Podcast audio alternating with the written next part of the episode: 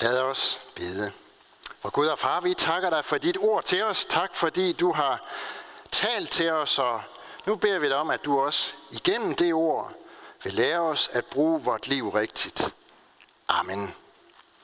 Det er det hele evangelium, skriver evangelisten Lukas.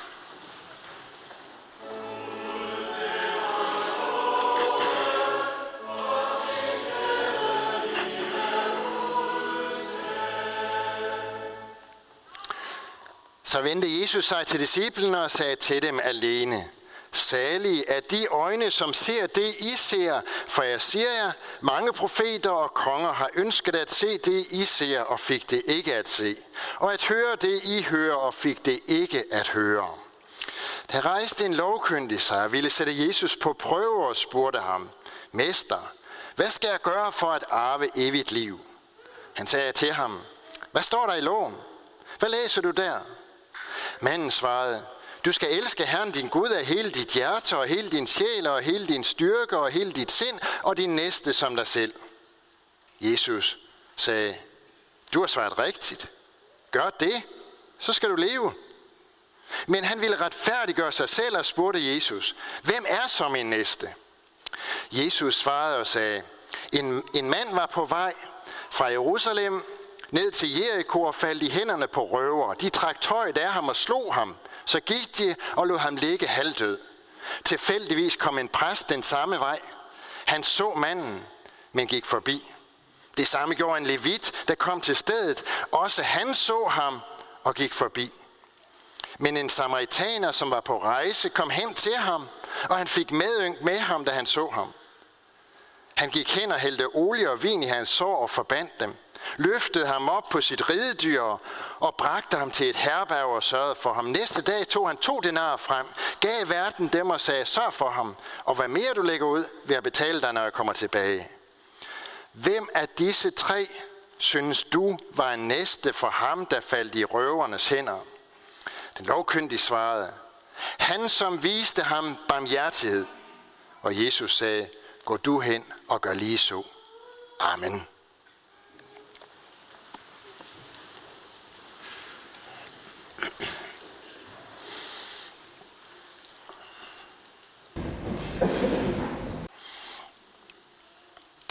Der står en tekst her på skærmen lige nu.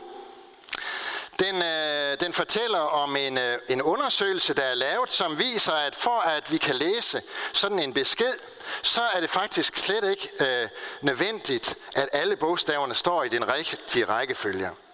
Øh, de skal være der, alle bogstaverne. Og så skal det første og det sidste bogstav stå på den rigtige plads, så er vi faktisk i stand til at læse, hvad der står alligevel. Fordi vi læser ikke alle bogstaverne, men læser ordet som en helhed.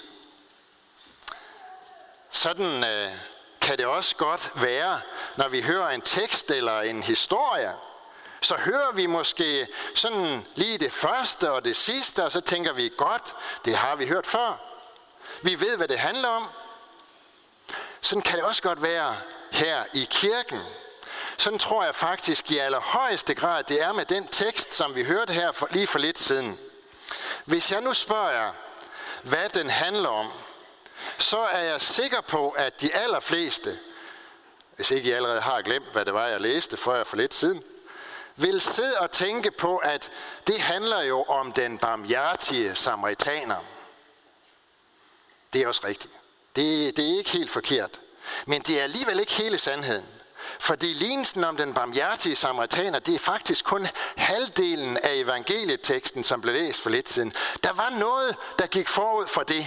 Der var noget mere end lignelsen, og det er det, som jeg gerne vil have, at vi lige skal begynde med at lægge mærke til i dag. Fordi ellers, så kan vi faktisk slet ikke forstå den lignelse, som Jesus han fortæller om en hjælpsom samaritaner. Hvis ikke vi forstår, at den lignelse, som Jesus fortæller, er svar på et spørgsmål, som blev stillet til ham, så kan vi faktisk, så kan det gå sådan, at vi kommer til at misforstå den her lignelse, og tro, at det, som Jesus han vil sige med den, det er, at kristendom, det handler om næstekærlighed. Og hvis man er næstekærlig nok, så er man en god kristen. Næstekærlighed, det hører absolut med til kristendom og kristen tro. Men det er faktisk noget, der er endnu vigtigere for Jesus at understrege for os. Og det er det, som han gør med lignelsen her. Hvad er det så, Jesus han vil sige med lignelsen? Ja, når han fortæller den lignelse, så er det altså, fordi han svarer på et spørgsmål, som en lovkyndig kom og stillede til ham. Nemlig spørgsmålet, hvad skal jeg gøre for at arve evigt liv? Og det er det, det er det afgørende spørgsmål i dagens tekst. Hvordan får jeg evigt liv? Der skal vi også begynde.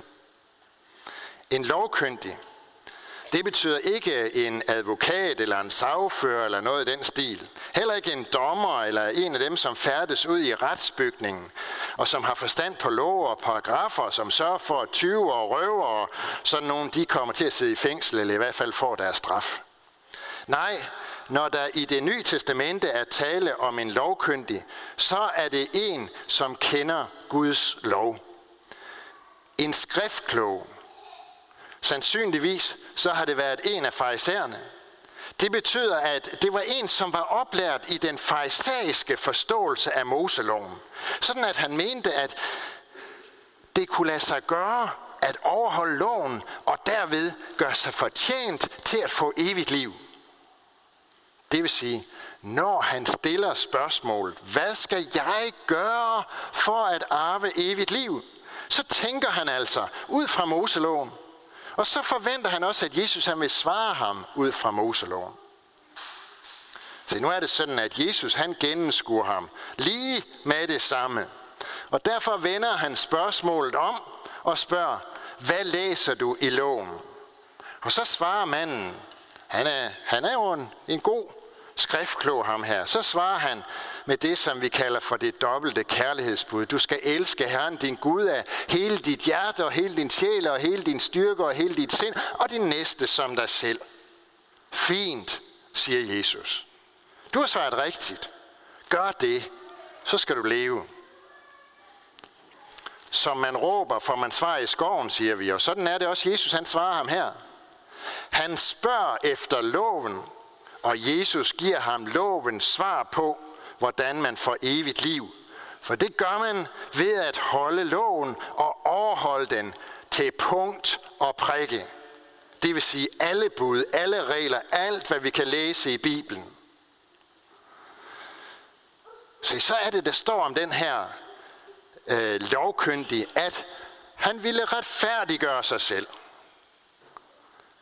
Og derfor spørger han, hvem der er hans næste? Underforstået. Det der med at elske Gud af hele sit hjerte osv., det var ikke det, der var problemet. Det havde han styr på. Det var, det var ikke det, der voldte ham vanskeligheder. Nej, det der kunne være et problem, det var lige det der med at finde ud af, hvem er det egentlig, der er min næste? Og så fortæller Jesus ham altså lignelsen om den barmhjertige samaritaner. Ikke som en selvstændig lignelse, men som følge af spørgsmålet, hvem er min næste? Og som svar på spørgsmålet, hvad skal jeg gøre for at få evigt liv?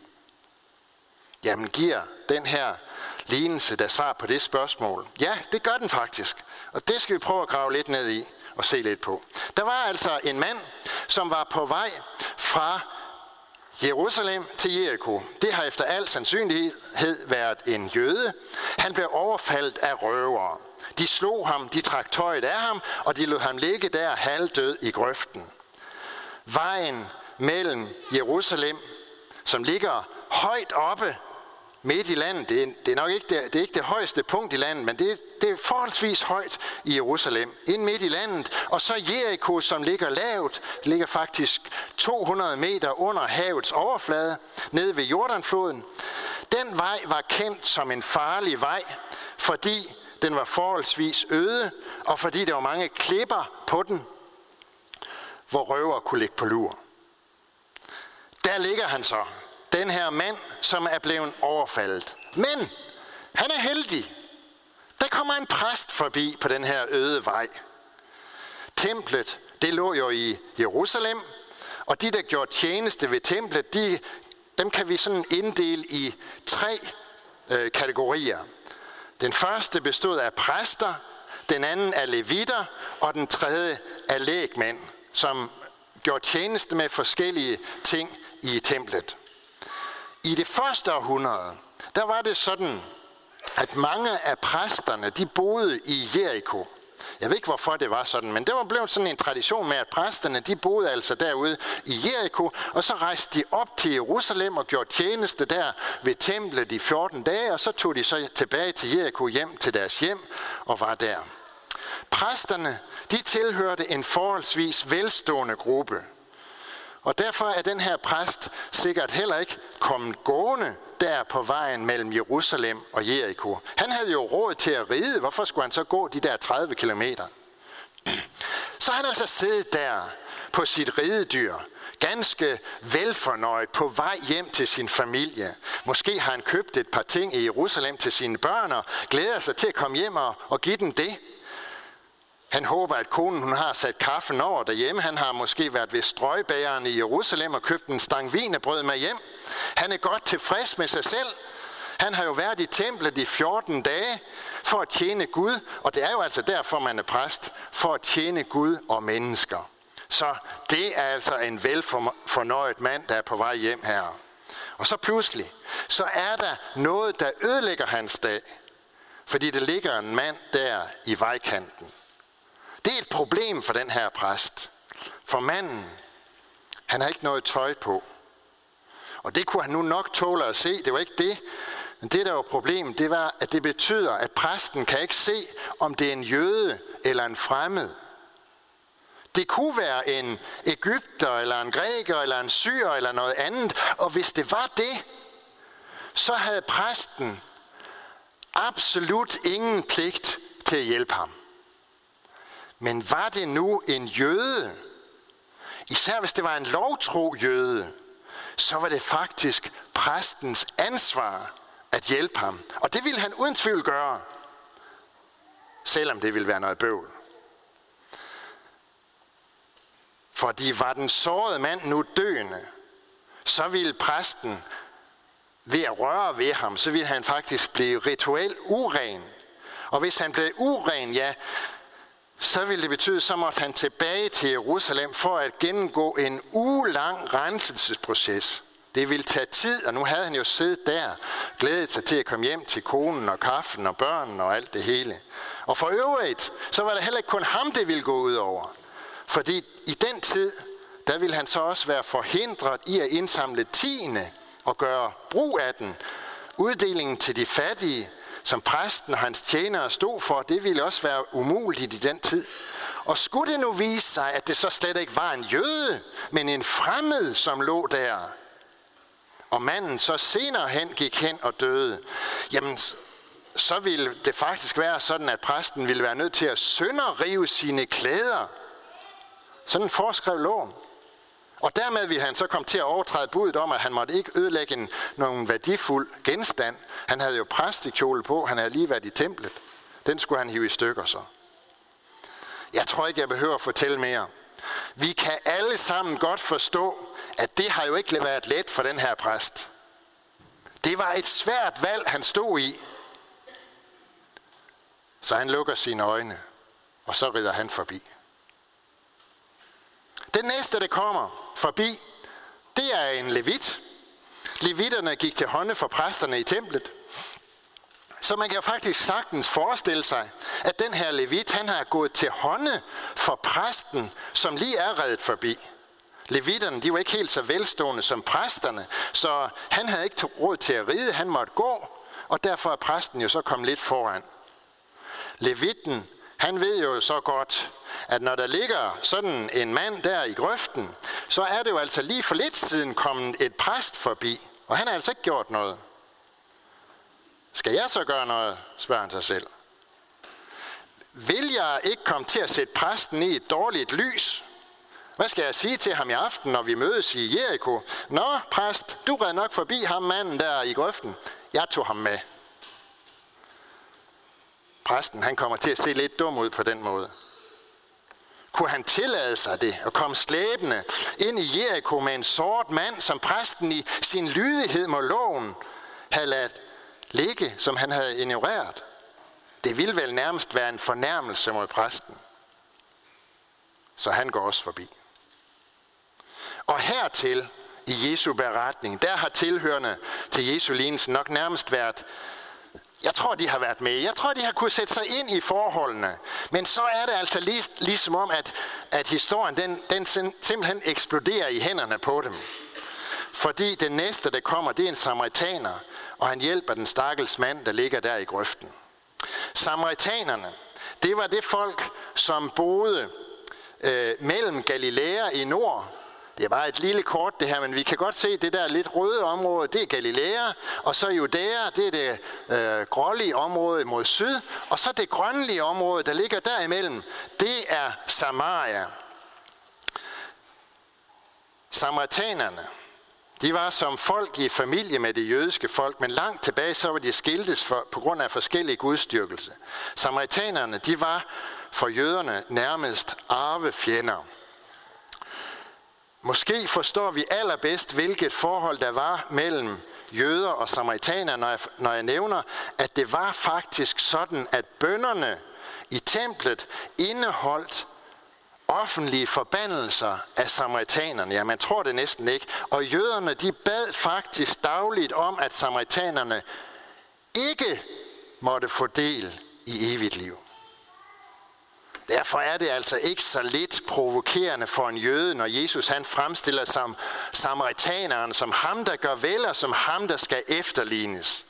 Det svarer til, at hvis Jesus i dag havde fortalt den samme historie, så havde han fortalt om en palæstinenser, en, øh, en soldat fra Hamas, som var kommet forbi, og som havde taget sig af den jøde, der lå der i grøften og havde brug for hjælp. Men ved at gøre det, så gør Jesus jo op med den lovkyndiges indskrænkning af, hvem er det, der kan være næste.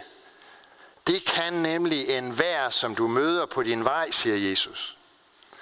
Det gør Jesus af en eneste grund, nemlig fordi han har noget endnu vigtigere, som han gerne vil svare den lovkyndige på.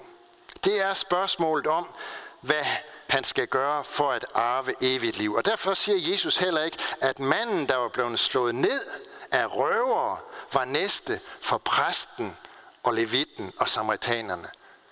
Prøv at lægge mærke til det. Jesus han siger ikke, at det var manden, der lå i grøften, der var næsten for præsten eller levitten. Nej, Jesus han vender spørgsmålet om. Og øh, så siger han til den lovkyndige, Hvem af disse tre synes du var næste for ham, der faldt i røvernes, røveres hænder? Hvem af disse tre var det, der var næste for ham, der lå i grøften? Hvad er det nu for noget? Hvorfor spørger Jesus på den måde? Hvorfor vender han det om på den måde?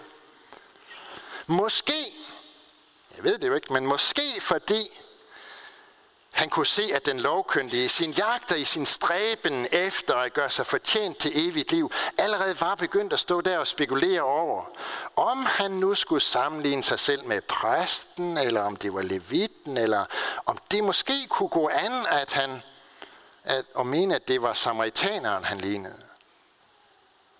Måske gør vi det samme. Men det er noget helt andet, Jesus vil have os til. Han vil have os til at se, at når det drejer sig om spørgsmålet om, som står her øverst her på skærmen, hvad skal jeg gøre for at arve evigt liv? Så er det os, der ligger nede i grøften og har brug for hjælp. Vi har brug for, at der kommer en forbi, som vil være næste for os. Vi har brug for, at der kommer en forbi, som vil tage tage sig af os, som vil sørge for os. Og ved hvad? Evangeliet til os, det er, at han er kommet. Det er ham, der fortæller lignelsen. Det er ham, som arbejder på, at vi skal forstå, at når det gælder det at få evigt liv, så kan vi overhovedet ingenting gøre. Så er vi ligesom ham manden, der ligger dernede i grøften. Så er vi fuldstændig hjælpeløse så er vi helt og aldeles afhængige af, at der kommer en anden og frelser os og hjælper os og viser os barmhjertighed. At arve evigt liv, det handler alene om at blive hjulpet af den barmhjertige samaritaner og den barmhjertige samaritaner, det er Jesus. Jeg har et billede herover. Måske er det nogen, der kender ham. Fra FC Midtjylland. Han hedder Evander. Og når han scorer et mål på øh, MCH Arena eller vinder en kamp, så ved han godt, hvor takken den skal gå hen af. Og hvor det er, han hører til. Under et af billederne, der har han selv skrevet sådan her. Obrigado Deus. Jeg tror, det er portugisisk eller sådan noget. I hvert fald så har jeg fundet ud af, at det betyder tak til Gud. Han er brasilianer. Det her det er en af hans landsmænd. For nogle år siden, der var han en af verdens bedste og dyreste fodboldspillere. Kaká hedder han. Han spillede både i Milan og Real Madrid, og han havde masser, han, han har masser af penge. Han var dygtig til at spille fodbold. Alligevel så var der noget, som betød endnu mere for ham, og som han gerne ville fortælle alle de mennesker, som beundrede ham og så ham på tv, når han spillede fodbold. Det er det, han har fået skrevet på sin, på sin trøje her. Og som han ved den her lejlighed havde inde under sin, sin fodboldtrøje. I belong to Jesus, står der. Jeg hører til hos Jesus. Han har faktisk lige frem fået det skrevet på sine fodboldstøvler. Når sådan en fodboldspiller sender det budskab til hele verden, så er det jo fordi han ved, at det her, det er det allervigtigste i livet. Det er det ikke bare for ham. Det er det også for os. Os, som sidder her i Herning Kirke i dag. Og så kan vi jo godt spørge, jamen, hvordan er det nu lige, man kan høre til hos Jesus? Jo, det er jo faktisk det, vi har været vidne til i dag. Hvordan kommer man til det? Vi har set Merle og Milas blive døbt. Da de blev døbt, der kom de nemlig til at høre til hos Jesus, til at høre sammen med ham. Og så er det meningen, at vi skal vokse i troen på ham. Alle os, som er blevet døbt. Derfor er der også 83 konfirmander, som er begyndt på konfirmandforberedelse, fordi der engang var nogen, der sagde ja til, at de ville høre til hos Jesus. Og når vi så kommer til foråret og holder konfirmation, så bekræfter de her konfirmander selv, at de stadig ønsker at høre sammen med ham og leve med ham. Hvordan får man evigt liv? Det gør man kun på én måde. Der er kun én måde at få det på. Det er ved at høre sammen med Jesus.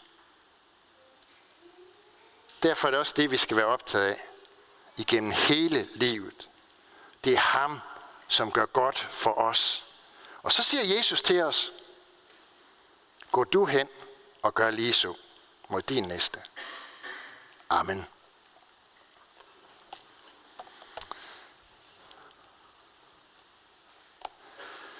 Vi lover og priser og takker dig, vor Gud, Far, Søn og Helligånd, du som var, er og bliver en sand treenig Gud, højlået fra første begyndelse nu og i al evighed. Vi takker dig for dit ord til os, for din kirke på jorden. Vi beder for din menighed her ved Herning Kirke. Lad ordet bære frugt og bevare os i troen på dig, og forny os i håbet om dit komme. Vi beder for alle, som har et ansvar inden for vores kirke, for menighedsråd, provst og biskop, led dem os alle, så vi handler i troskab mod dit ord og vor kirkes bekendelse. Vi beder og kalder den, du der tro tjener og forkynder af dit ord. Vi beder for alle, der går med dit ord, både her hjemme og i det fremmede. Styrk du dem, hold din hånd over dem og lad deres gerning bære frugt. Vi beder for børnene, som døbes, at de må blive oplært i den kristne tro. I dag beder vi for Merle og Miles, at de må vokse i tro på dig. Vi beder for konfirmanderne, at de må få lov til at se dig, sådan så de aldrig glemmer det. Kald vores børn og unge ind på troens vej – og beskærm dem mod alle ødelæggende kræfter. Vi beder for alt sandt, folkeligt og kirkeligt arbejde. Vi beder for det kirkelige børnearbejde. Udrust du lederne og velsign du det. Vi beder for vores hjem, vores kære og velsign både ægte folk og enlige til at leve efter din vilje og gode ordning. Vi beder for alle, der er sat til at styre vort land, for vores dronning, hele hendes hus, for regering og folketing, for alle, der er betroet et ansvar i stat, region og kommune. Led dem, så de forvalter deres ansvar ret. Og vær nær hos de danske soldater, som er udsendt, og alle, som gør tjeneste for fred og retfærdighed i verden. Hjælp og styrk dem i deres gerninger, og vær nær hos deres kære, som må bære bekymringens byrde. Vi takker dig for livet, og vi beder dig lære os at værne om det fra de ufødte børn til de gamle og døende. Vær nær hos dem, der har mistet en af deres kære, og vi takker for alt, hvad du har givet os gennem de mennesker, som vi selv har mistet.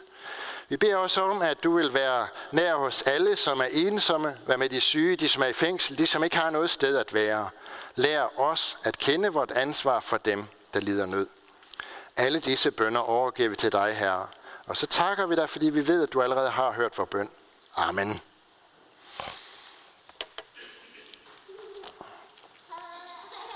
Også i den næste uge, der foregår der en hel masse her i, ud fra kirken. Jeg vil ikke nævne det hele, fordi I kan orientere her på skærmen, og ellers så står der kirkebladet ude i våbenhuset, hvor det hele det også står i. Jeg vil bare lige nævne, at næste søndag har vi høstgudstjeneste. Det er klokken 10 her i kirken ved min kollega Jens Mosgaard Nielsen. Der ligger øh, nogle øh, indbydelser til høstgudstjenesten ude i våbenhuset, som I er velkommen til at tage med af også. Og vi har efterfølgende kirkefrokost over i Betania. Det er altså næste gang, og også, vi indsamler også et høstoffer. Velkommen til både børn og voksne. Børn må gerne tage lidt høst med, så de kan være med til at bære ind ved gudstjenestens begyndelse. Fordi vi har høstgudstjeneste, så er der ikke nogen fromesse kl. 8.30 næste søndag. Altså næste søndag kl. 10. I dag samler vi ind til Herningsovns menighedspleje, og på forhånd tak for en god gave til det arbejde. Så er det sådan, at øh, nu har vi set, at der er en hel masse konfirmander, og efterfølgende her, der holder vi, øh, både Jens og jeg, et forældremøde. Det foregår over øh, i Betania, og derfor er det sådan, at kirkekaffen i, for den almindelige menighed, kan vi sige, den foregår i dag herude på kirkepladsen. Jeg ved ikke, om det er tørvejr, eller så bliver det i våbenhuset. Velkommen til at få en kop kaffe og en småkage der, og jer, som skal øh, konfirmander og forældre, som skal til forældremøde, I må gerne øh, trække over i Betania, over på den anden side af gaden, og der er det sådan, at de konfirmander, der går til konfirmandundervisning ved Jens, de trækker til venstre, når I kommer ind, ind i det, som kaldes caféen derovre, og øh, de konfirmander, som går ved mig, de trækker til højre og går ind af, af døren der, ind i, den, i, i salen. Så velkommen til det. Efter næste salme, så øh, holder vi nadver. Alle er velkommen ved Herrens bord. Og her i Herning Kirke gør vi det sådan, at øh, man tager et bæger her på bordet herover, og så må man gerne sætte det på bordet over i den anden side, når man går ned. Nu vil vi rejse os og med apostlen ønske for hinanden, hvor Herre Jesu Kristi nåde, Guds kærlighed og Helligåndens fællesskab være og blive med os alle. Amen.